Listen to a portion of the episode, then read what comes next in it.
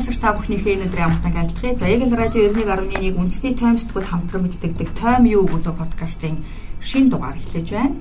За студид тойм сэтгүүдийн ерөнхийлөгч ган гэрэл сэтгүүлч нийтч давсран тавсар нар ажиллаж байна. За бид энэ 7 хоногт 543 дахь дугаараа шиг сонсогчдын гар дээр өргөн барьж байгаа. Тэгэхээр энэ дугаарыг даваас руу маань удирцсан. Лавт одоо онцлох гол сэдв юу байваа? За энэ удаагийн дугаарын онцлох сэдв бол сэтгүүлч нийтлэлч дамдан жавах юм байна. Битсэн нийтлэл татвар их тэнгүүдийн дээрэм гэдэг нийтлэл манай энэ удаагийн сэтгүүлийн онцлох нийтлэл байсан. За агуулга нь бол татварын бодлогыг чангатгах одоо замаар нийгмийн дундаж давхаргыг одоо шахаж байна гэдэг агуулгатай материал байсан. Ер нь яг сүүлийн манай эрх хэрэгчид алдагдaltaй төсөв баталчаад тэр хэрээрээ татвараа нэмэх байдлаар тий дундаж давхаргаа өгөө хийж байгааг нэлээд хүндсэн байлээ. Бид энэний өмнөөс яах ёстой юм бэ? үгүй гэж хэлэх хэрэгтэй гэсэн дээр гол үнцгийг харсан л та. 2016 оны сонгуулиар Монгол Ардын намын яг нэг гол амлсан амлалт нь болохоор татвар нэмэхгүй гэдэг амлалт байсан. Тэгээ 16 онд бол 62 судалтай байсан. Одоо 65 болоо. Хөөсөд явж байгаа. Тий.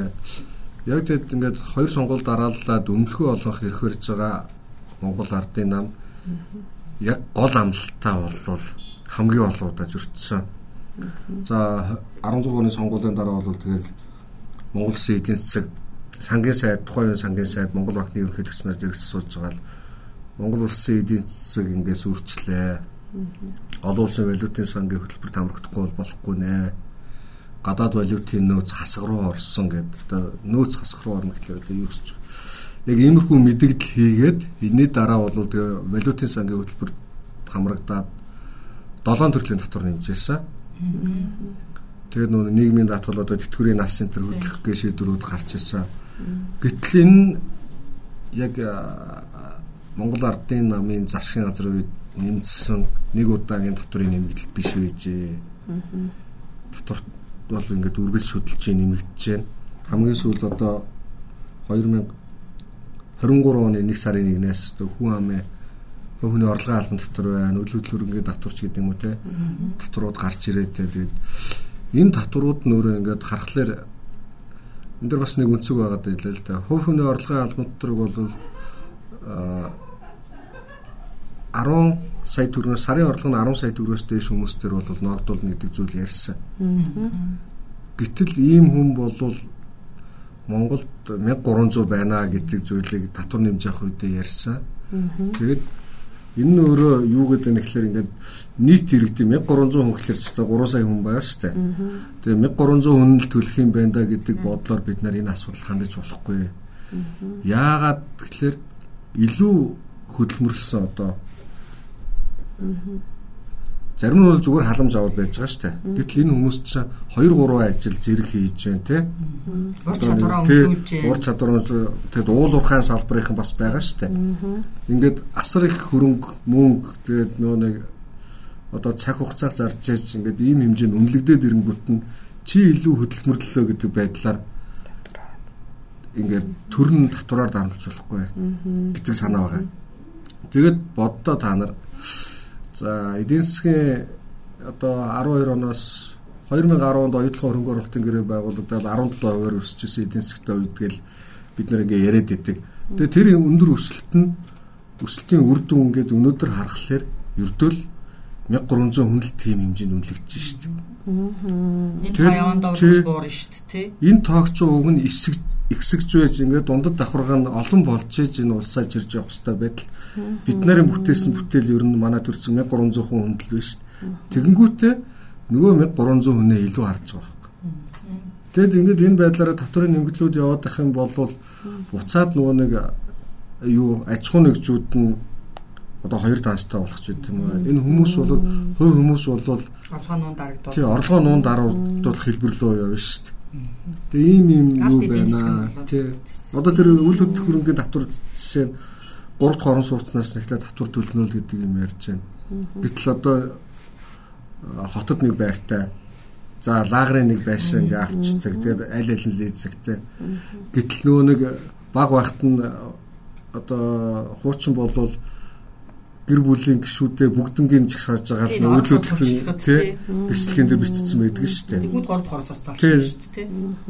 Тэгэл энэ ийм ийм асуудлууд байхлаар энэ зүгээр татвар нэмэх биш. Ер нь зүгээр татвараа яг ингээд үн зөвөр мэдүүлээ явж байгаа хүнтэй баг урамшуулад явах юм бол татвараа үн зөвөр хурааж авч чаддаг байх юм бол нөөц болцоо байгаа гэдгийг одоо бид нар нэг и баримт дээрээс мэдж байгаа шүү дээ. Сайн нөөцийг чинь байхгүй болгоод яасан буцаал татвар нь цуглахаа болоод буцаагаал яаж яа сэрэгж гин гэж ярьж байна. Тэгээ ер нь татвар бол айгүй их дарамт болж байна. Сая тэ ковид үйл гээд 2 жил ингээд аж ахуй нэгжүүд дээр бол ингээд нэг татврын зарим асуудлууд ингээд хойшлуулах боломж олгохтой байсан. Ковид үйл үйлчлэл 22 оны 12 сарын 31-нд дуусгар болохоор буцаад одоо нөгөө нөхөж төлөх татварууд байна шүү дээ. Тэд нар нэмэгдэж. Дээрээс нь татврын нэмэгдэл ирчихэж байна. Аж ахуй нэгжүүч төр иргэдэж тэр аль илүү хөдөлмөрсөн, аль илүү зүтгэсний нь ер нь татвараар дараад байна гэдэг санааг л энэ нийтлэл төнц. Арай хэлж байна. Дундаас давхар бас манай даймиг хөлдсөн нэг үнцгэн те дундаас давхар их байгаа. Дундаас давхар нийгмийн олонхын дундаас давхар бүртгүүлээд эрх баригчдад ямар ч ашиггүй Яг тэгэхээр дундаж давхраг гэдэг бол тий үжил бодлоо худалддаггүй тий эрүүл сонголт хийдэг. Тийм учраас аль бол халамжаар уучихыг л өртөл болгодог нь альч төрийн үед альч ирэх хэрэгчдгийн гол бодлого л та сонголт оноо авахын тулд за дараагийн сэдвийг манай Eagle News телевизийн таймж Эрдэнэ хоёр аймаас үнсээ таймсгуул хамтран ажиллаж байгаа. Гахаа хариулсан хүн гэдэг гарч ихтэй. За энэ гахаа гэдгийг юу хэлж байгаа гэхээр ердөөл нөгөө бидний энэ саяны сэдвээр бас үргэлжлээд явхад авилгын асуудлыг хэлж байгаа тийм. Тийм. Манад одоо энэ гахаа хариулсан хүн уура бардаг гэдэг тийм хэлцүү байдаг. Тэгэхээр бид нар одоо энэ авилгачтай ханч цадгууд гэр гахаатай зөвлөлдөг болсон. Тэгээ энэ РК-гийн авсан баримтаас ингээ харахад гахаанууд нэгэн жилийн дотор улсад 5 их 80 төгрөгийн хохирол учруулдаг. Цаддгуу. А гахаануудын залгидгийн гэрт хоолгүй гэдэг энэ под гарч бас таалагдсан л та. Тэгээд энэ төрийн албанд хэлсэн гахаануудын сүлжээ гүн бат нутагсан. Одоогор 754 хэрэг шалгагдчихж байгаа.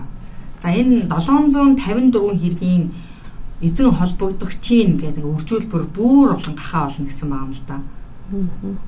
За шүүх юун дээр очиад гацдаг тий. Хэрэгүүд нь. Тэр энэ юунууд дандаа өсөд байгаа юм билээ. 2022 онд болохоор шүүхээр шийдвэрлэгдсэн одоо яг энэ авилга албан шуулын гэмт хэргийн 188 хэрэг шийдэгдсэн байгаа байхгүй 21 онд бол 160 хэрэг байсан. 22 он 188. За энэ авилгын гэмт хэргийн улмаас учирсан хохирол гэсэн чинь одоо хэд юм бэ? Нэг их 80 юу юм бэ? Хэдэн оронтой тоолоо. Тэгээ 18 18 тэрбум төгрөгийг хурааж авсан гэдэг. Хурааж авсан гэж мэдчихлээ тоо баримттай. Тэгээ ер нь энэ төрийн алба одоо нэг бас ерөнхийсэд зарлчаад байгаа шүү дээ. Төрийн албанд энэ хүмүүс ингээд нэг яг цалин орлогоосоо илүү хэрэглээтэй хүмүүс асар их байхад идэг. Тэгээ энийгээ тайлбарлаж чадахгүй бол ажлаа өгөрөгцсөн байгаа. Тэгээд Тэгтээ хугацаа өгсөн шүү 6 сар. Тийм юмаа нуух ч юм уу ямар ч учиртай. За нэг юм шиг байна. Бахата тэмцээд төрөө хууц хэвлэхийн гэдэг төрийн өндөрлгүүдийг хуурай байна шүү гэдгийг бас Эркамон сануулсан байна. За дараагийн сэдв бас л их баригчдад хандсан сэдв. А манай нийтлэл шийлэг төмөр үнгүүдэж байгаа үндсэн хууль гэдэг. За 2019 онд үндсэн хууль нэмэлт өөрчлөлт оруулсан тий. Тухайн цаг үедээ бид ч бас тусгай дугаар хийж исэн подкастаараач бас ярьж исэн нэлийн одоо чамбай олон талаас нь суурь судалгаатай юм үндсэн хуулийн өөрчлөлт орууллаа гэсэн боловч ахаад үндсэн хуулийн өөрчлөлт зайлшгүй дахиад хийх шаардлагатай юм гэдэг яриа хөрөө өнгөрсөн жилээс ахуулаад хүчтэй яригцаар байгаад одоо ер нь бол энэ хаврын чуулганда багтаад тий үнцүүлэлтэд нэмэлт өөрчлөлт оруулах болж байгаа шиг байна. Тэгээ энийгээ бол эрх баригчид тайлбарлахдаа бол одоо нөгөө хавар чагсаалууллаа сая үйлчин дөө үлийн хүүдэнд бас нэлээд жагслаа. Тэгээд энэ иргэдийн шаардлагын дагуу гэдэг авах гэтэл иргэд үндсэн хуульд өөрчлөлт оруул гэж огт чагсаагүй маа. Аа. Шудар бас тогтоо хариуцлага алдсан. За тэр нүүрсний хулгай хийсэн хүмүүст хариуцлага тооцсон, утаа төвжирлээ багасгасан, бараа бүтээгдэхүүнийхээ үнийг бууруулан за салин хөлс хөдөлмөрөө шударгаар үнэлүүлэхийг шаардсан болохоос энийг заавал үндсэн хуульд өөрчлөлт оруулах шаардлага байхгүй. Тэгэхээр эрх багчид бол иргэдийн жагсааж цуглаанаар шалтгаалan өөрсдөө хүссэн өөрчлөлтөө хийх гэж байгаа бас шилэг маань хүнс юм а гэтэл энэ буруу бүхний тогтолцоороо бухан хандлага энэ аль эртнээс тогтсон. За ингэж болохгүй гэдэг айл 1992 оныг үед одоо шинэ үндсэн хуулийн эрх баригч амьд цэрэн бахта өөрөөр хэлбэл чамдгаа хэлжсэнийг бас тодтогсон байна.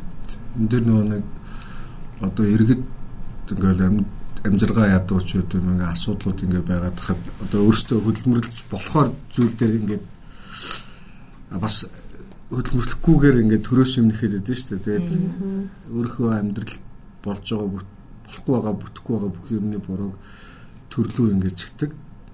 Тэгвэл улс төрчид болохоор ингээд гаргасан шийдвэрч байд юм янз бүрийн ингээд асуудлууд ингээд хямрал тэгээд янз бүрийн зүйл ингээд болохгүй бүтэхгүй бүхнийг болохоор систем рүүгээ үндсэн хууль руугаа чихээд байдаг. Тэгээ энийг бас чимдгаа сая хэлж байсныг хэлж байна. Тэгээд ерөөсөө л муул болвол нөө хойдлын хараа байхад гэсэн тэгэл явж явж байгаа хамгийн сүүлдээ үндсэн хууль гэдэг нэг юм руу очдог. Гэтэл өөрөө үндсэн хууль ч өөрөө нийгмийн гэрээ. Үндсэн хуулийн өөрчлөлтийг болвол за чимдгаа тэр чи амьд байх үед байсан баха. Бас олон намын төлөөлөлтөй парламентын үед бол тэр чи хэдээс хэд үндсэн хууль нэмэлт өөрчлөлт оруулах журмын тухай хуульгаа баталж ирсэн. Үндсэн хуульд нэг асуудлаар өөрчлөлт оруулсан бол 8 жил дахиж тэр асуудлыг хүндэхгүй гэдэг агуулгатай хууль байгаа юм. Яагаад ингэж юм гэхээр одоогийн энэ сая энэ 2019 оны үндсэн хуулийн өөрчлөлтийг өөрөө дагаж гарах маш олон хууль байгаа. Өөрчлөгдөх ёстой. Ерөнхийлөгчийн тухай хууль, улс төрийн намуудын тухай хууль гэдэг юм уу те. Тэгэд энэ хуулиудаа бид нэр одоо энэ парламент өөрчлөөгөө явж байгаа. Өөрөөр хэлэх юм бол үндсэн хууль чинь сая 2019 оны өөрчлөлт чинь бүтэн хэрэгжиж эхлэегүй байгаа юм. Дагалдах хуулиуд нь бас батлагдаагүй тийм. Тэгээ бүтэн хэрэгжиж эхлэегүй. Тийм болохоор энэ чинь ингээд дагалдах хуулиуд нь гараад бүтэн хэрэглэгдээд тэгээд нэг амьдрал дээр нэг ганц хоёр жил туршигдсны дараа энэ үнэхээр буруу өөрчлөлт байна уу зөв өөрчлөлт байна уу гэдгийг судлах хангалттай хугацаа нь бол 8 жил гэж тооцоод идэг. Тэг дор хаяж 8 жил тэгжиж гар хурж дахиж гар хурж болно гэтэл одоо ясаа 2019 онд өөрчлөлт оруулсан. Тэгээ тэр өөрчлөлт нь 20 оны 5 сараас эхэлсэн баг те. Хэрэгжиж эхэлсэн. Тэнгүүт нь тэгээд үндсэн хуулигаа үндсэн хуулийн өөрчлөлт нь өөрөө үндсэн хууль зөрчсөн гэдэг асуудлыг парламентын гишүүд нь цэцэд барьж гүйсээр хагаад одоо нэг давхар дээл гэдэг зүйлээс чинь засгийн газар танхимаараа нөмрөх боломжтой болгочихж байгаа юм. Тэгээ ингээд одоогийн бүрэлдэхүүн одоо хамгийн олон сайттай тэгээд хамгийн олон давхар дээлтэй сайттай засгийн газар ажиллаж байгаа. Тэгэд араас нь гэтэл ахаад үндсэн хууль болохгүй байна. Тогтолцооч ч болохгүй байна гэдэг зүйлийг 19 онд 60 хуйлаа байхдаа баталж исэн маань өнөөдөр 65 боллаа дахиад л ярьж. Тэгээд ингээ үндсэн хуулиа жил болгоо одоо сүүлдээ ингээ дуртай үедээ өөрчлөлтөг ингээ байж болохгүй. Энэ үндсэн хууль гэдэг чинь өөрөө зүгээр ердийн органик хууль, ердийн хууль биш шүү дээ. Тэгэл дэндүү үнгүүдүүлэх гээд байгаа юм биш үү гэдэг санаал байгаа. Одоо бүр зоргоор болсон шүү дээ. Дийдлийн төлсний онцгой албан доторыг тэглэснийг хойшгилийн болсон шүү дээ. Үнцөөлөж чинь хөссөн үедээ өөрчлөлт оруулдаг тийм. За дараагийн сэдв манай нийтлэлж Эрдэнэ чимэг бичсэн. Үүргээл гүйцэтгээд ардын баатар гэх. За энэ манай нийгэмд байгаа бас нэг хандлага байна. Аа яг он солигдох мөчөд өргөө амарчих газрууд нь жирэмсэн эмэгтэй машиндаа амарцсан тохиолдол гарсан. За үүнээс үүд нийгэм хоёр хуваагдсан. За за нэг хэсэг нь бол цагийн тулгсан ээж аа буруутай, бичлэг хийсэн аа буруутай, за нөгөө талд эмчнэр буруутай ч гэдэг юм уу аа яригдсан. Тэгээд онд амсын энэ алдарт үйл явдал эцэстээ анхны Игэл Баатрыг төрүүлснээр туссан. Тэгэхээр яг машинд ийм хүнд нөхцөлд ч гэсэн амжилтаа ирэх хөрж авсан ээж их баригч эмчид талархал илэрхийлээд за талархал илэрхийлвэл яах вэ? А нөгөө талд бас ажлын хариуцлага гэдэг асуудал яригдах бах. Энэ мэд жишээг манайханд их бий. За нэг хүнийг ажил албан дээр тухайн байгууллага дотоод нь ямар ч асуудал өрнөж болно. Ажил албан дээр янз бүрийн асуудал үүсдэг харилцааны хандлагын тухайн байгууллагт байдаг уламжлалч гэдэг юм уу те дэг ёсч гэдэг юм. Энээс хавлаад янз бүрийн асуудал үүсдэг. Тэрийг одоо манайхан ажил албан тушаалаас өөрчлөгдсөн чөлөөлөгдсөн тохиолдолд бас их сошиалар сэвдэг. За энийг ингээд манай одоо нөгөө фэйсбүүкийн манаж болсон хүмүүс бол шууд сүлгэж аваад нийгмийг хоёр татуулдаг улмаар одоо энэ цагийн игэл баатруудыг төрүүлдэг тий. Тэгээ бас энэ ганц юун дээр биш цагдаа нар дээр бас энэ асуудал яригдана. Үнэхээр мундаг цагдаа түүнийг тэр хүн үргэлж ажиллаад гүйцэтгэж байгаа тий. За одоо бүр багш нар руу халдварлаж ирснийг бас Эрик маань бичсэн байлээ. Энэ юу вэ те? Оны өмнө бас гарсан э, хэд хоногийн өмнө нэгэн цэцэрлэгийн багш хоёр хүүхдтэйгээ хичээлж байгаа бичлэгийг оруулаад хоёрхан хүүхдтэйж хичээлээ чин сэтгэлээсээ заажгүй багш гээд ламаа олохгүй магтцгаав. Бас нэгэн автобусны зорчигч эцсийн буудал хүртэл автобусанд жолооч битээр хойлохна. Ганц хүнтэй гэлгүй эцсийн буудал хүртэл хөргөж өгсөн жолоочтой баярлаа. Энэ үг нь үүрэг юм байгаа штэ. Энэ зүгээр цалингаа авч байгаа ажлаа хийж байгаа Тэг бүгдээр ингэж магтаж тэнэгдснээс болоод тэд маань үйлчлэгээний байгууллагын тэд маань ялархаж ажиллаа хийдэг болцсныг бас харах хэрэгтэй. Тий. Одоо тэгээд ахад дээрээс нь юу байгаа юм бэ лээ шүү дээ. Бүр ингээд магтуулах тийм донтой болцсон юм шүү. Тий. Тэр одоо шинэ эрүүл мэндийн яамнаас эмч нарт ирсэн талархал гэдэг зүйлийг пост юу пост хийж фэйсбુક хуудасаар цацдаг болсон гинэ. Тэгэд бас тэрийг цацхтаа ингэдэг гэж штэ. За засгийн газрын 11 11 утсанд ингээд эрүүл мэндийн яам тэ хамаатай эмч нарын ингээд ажил одоо үүрэгтэй холбоотой санал сүмжлэл ингээд талархал ингээд за 100 ширхэг ирлээ. Иргэдээс ирсэн байна. Энийний бол 30 талархал байна гэд 30 постэр хийдэг гинэ. Тэр эмчэд баярлаа гэд. Үнэхээр тэгэж 11 11 төвд ирж байгаа тэр иргэдийн санал хүсэлтийг ингээд олон нийтэд хүргэх гээд байгаа бол нөгөө 70-ыг бас тэгээд Далан боблыг бас пост. Далан боблыг бас пост тавих хэрэгтэй. Тэгээд одоо нөгөө нэг Магдалины авж яагаад тэгээд яг энэ зүгээр гээд яг энэ сэдвийг ингээд тойроо харахаар юу бид нар хийх ёстой юм а хийгээд өөрийнхөө төлөө ажиллаж иж тэгээд заавал ингээд нэг магтаал урамшуул авах гэдэг ингээд зүтгээд идэг. Тэгээд ерөн зүгээр нөгөө хоосон магтаалаар яах вэ гэж ярьдаг байсан шүү дээ. Тэрээс одоо зүгээр хоосон магтаалч гэдэг юм авах гэдэг. Гэтэл энэ хүн энэ ажлыг хийснийхаа төлөө одоо цалингаа аваад хөдөлмөрөө үнэлүүлээд тэгээд одоо ар гэрээ тийчгээ явж байгаа шүү дээ. Анх бас нэлбэгийн нэг үнцэг байлаа л да. Уучлаарай энэ бол өөрийнх нь сонголт те. Ялгахад ажиллаа хийж болохгүй.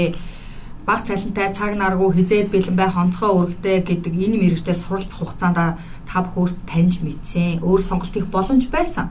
За энэ сонголтыг хүмүүс таньж тулгаагүй өстөл хийсэн.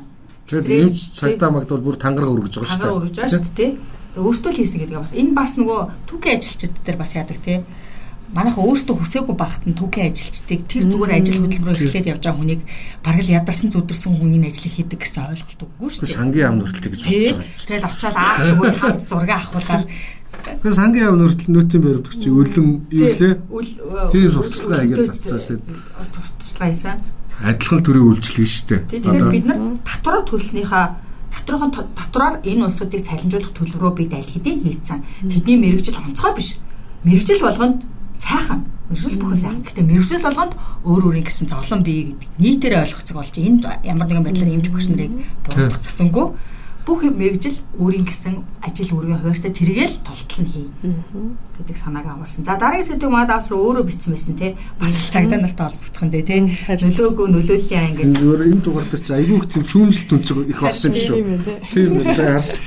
Нөлөөгөө нөлөөгөө нөлөөллийн ангид манай цагдаагийнхан тийм нөгөө айтаахан нөлөөллийн аянд хийдэг хийдэг. Одоо яраад явах втэй ч гэдэг юм уу те бас тэр зуны амралтын тэр жилд бол үр дүнгөө өгсөн.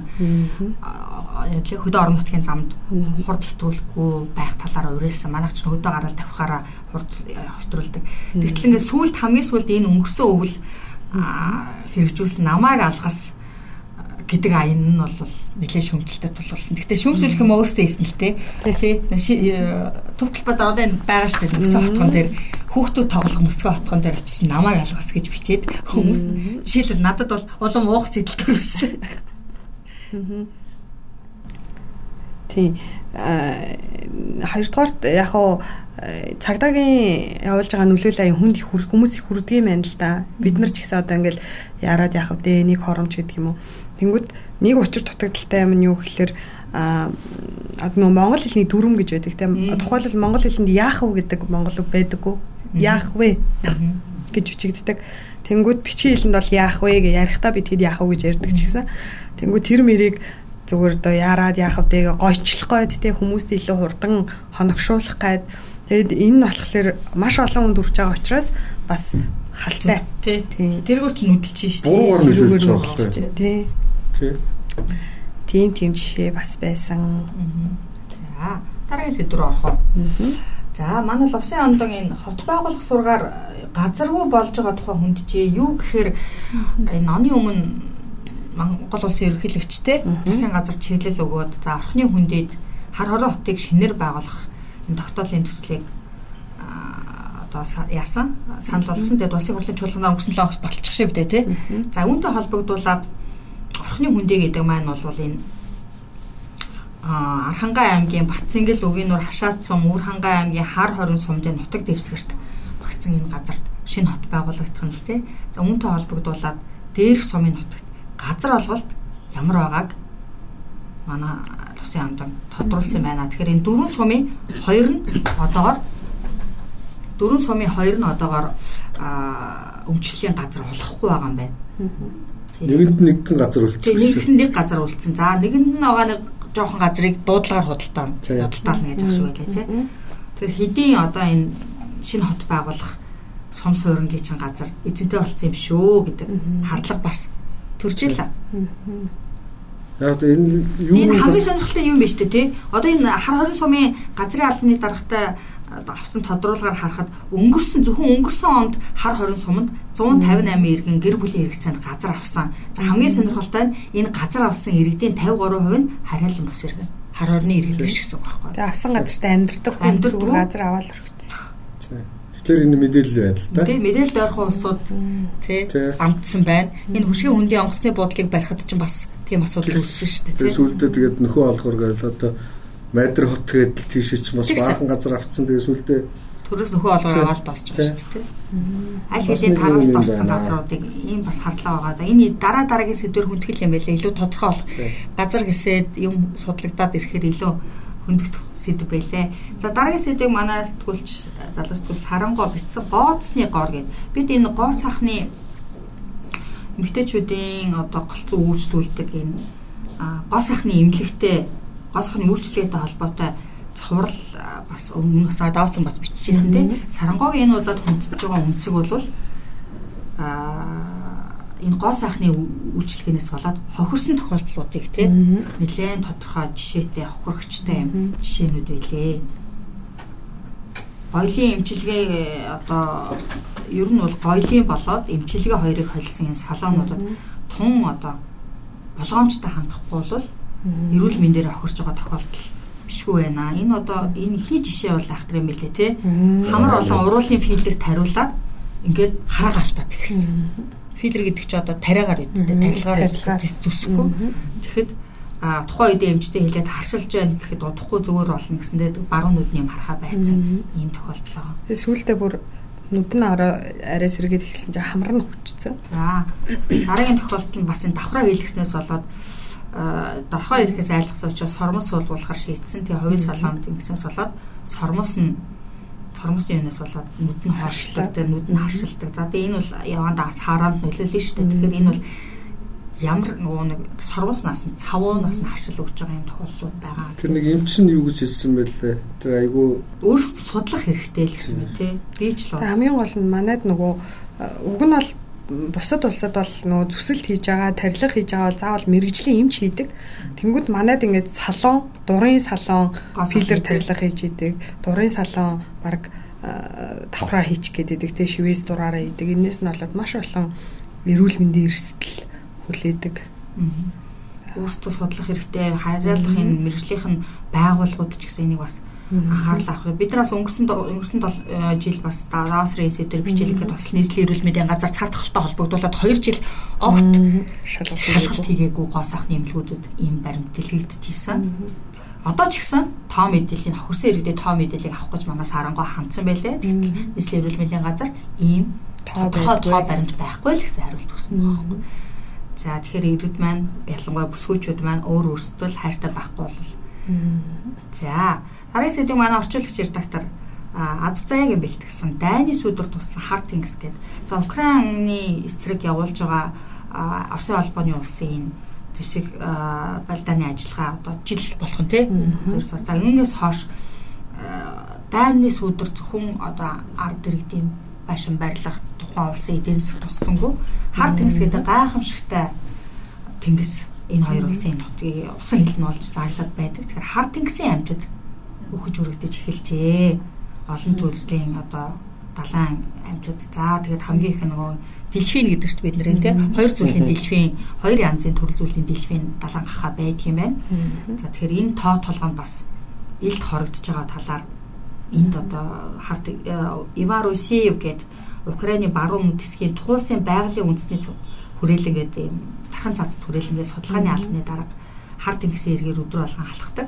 За тэгээ ингээд боддоор энэ жилийн хугацаанд яаж э, энэ хар тэнгисийн экосистем гэмтэж байгаа талаар бас тодорхой тоо баримтууд байлээ. Тэгэхээр гол аюултай зүйл нь зөв шууд одоо сум тусаад өхнө гэж бол байхгүй. Хамгийн амьтад олноороо өсөж байгаа гол шалтгаан нь Оросын тэнгисийн цэргийн хүчин усанд орох шумбагч объектуудыг илрүүлэх Стоо авны локатор гэдэг зүйлийг хар тэнгис тэгэхээр ингээд ашиглаж байгаа юм байна. За энэ болохоор дуу авины локатор нь маш ингээд өндөр дисплейн дуу чимээ ялгаруулдаг. Энэний улмаас одоо дэлфин ч гэдэг юм уу далаа тэгсэн амтд одоо сонсогдол нь гэмтэж байгаа гэсэн үг. Акустик нь гэмтээд акустик нь гэмтэн гэдэг чинь өндөр энэс болоод одоо акустик гэмтснээс болоод өөрийгөө удирдах, жолоодох чадваргүй болдог. Ийм аюултай элэ. Тэгэл хоолт ижилээж олж чадахгүй. Тэгэл аюултай нөгөө тэр дуу чимээгээр ялгуу дэлфин чил гэдэг чинь дуу чимээнийхаа ялгарлаар аюулаас гítэлдэг. Тэгэхээр тэр одоо хүнээр бол дүл ирж ийн л гэсэн үг шүү дээ. Харанхууд юм руу орчиж чинь гэсэн үг байхгүй. За. Гол мэдэрдэг хэрэгтний. Гол мэдэрдэг хэрэгтэй хэрэгтэй. Тохоо бол одоо хамарч үнэрч гэдэг юм шүү. Дэлхийн чин гол нь чихэрийн мэдэрдэг юм билээс дууны өндөр тавтамж дисплейлэр. За дараагийн сэдв популизмын эсрэг тоглоомын дүрмээ өөрчлөх үү гэх. За Их Британий ерхий сайдаар ажиллаж исэн Тони Блэрийн нэрэмжит Дайны дэлхийн өөрчлөлтийн хүрээлэн гэж байгууллага байдаг. За энэ байгууллага жилийн хугацаанд улс орнуудын дэлхийн хэмжээнд улс төрт болсон үйл явдлуудыг бас нэлээд шинжилж өөрсдийн таамаглалт өгнөлт тайлангаа танилцуулдаг. За энэ жил бол тэдний танилцуулснаар дэлхийд даяар төрийн эрх барьж байгаа популист удирдагчтай тоо 11 болж буураад За популист дэглэмийн доор амьдарч байгаа хүмүүсийн доо 2 жилийн хугацаанд 800 саяар буурлаа гэсэн юм баяртай гэх юм уу мэдээ танилцуулсан.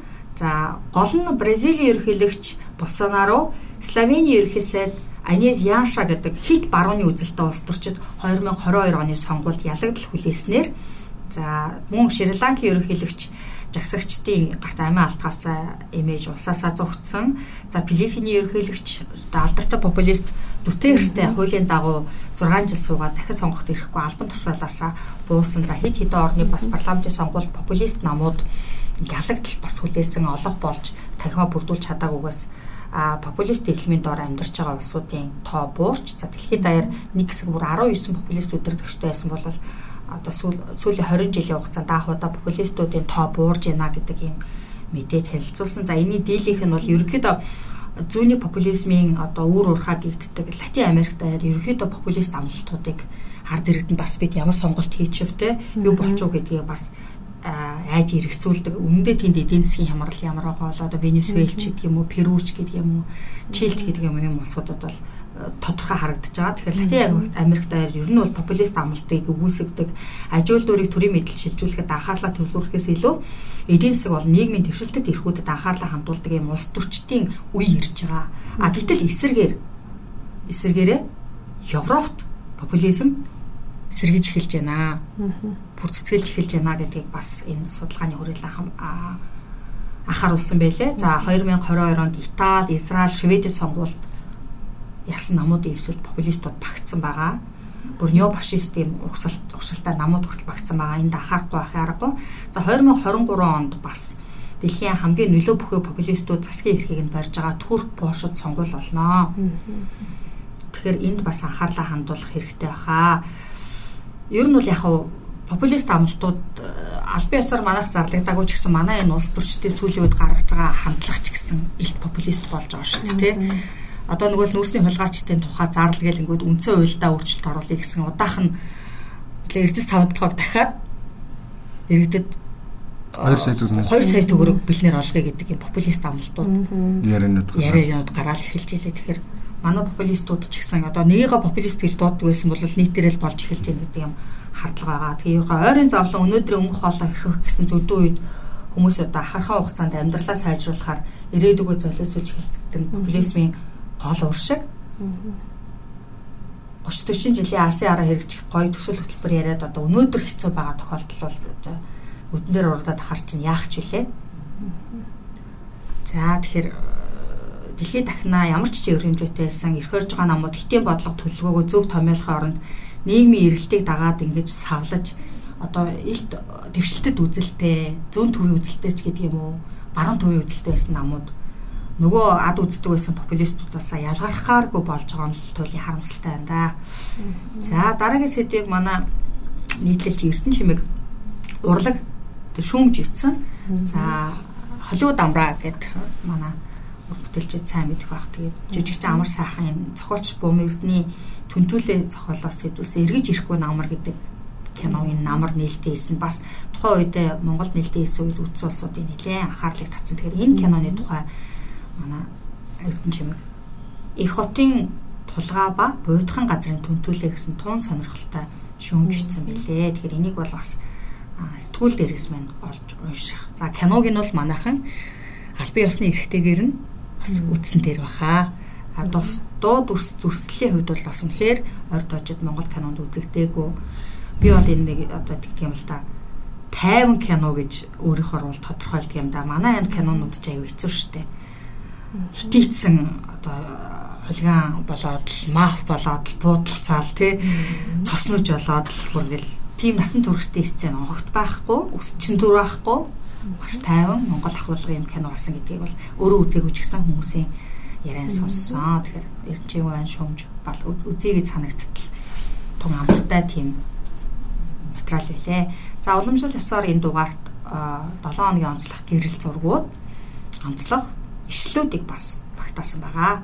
За ингээд таймсдгүүлийн шин дугаартай хамт байсан унших сонсогч та бүхэндээ баярлалаа. Дараагийн даваа гарагт дахин уулзлаа. Түр баяртай. Баяртай. Баяртай.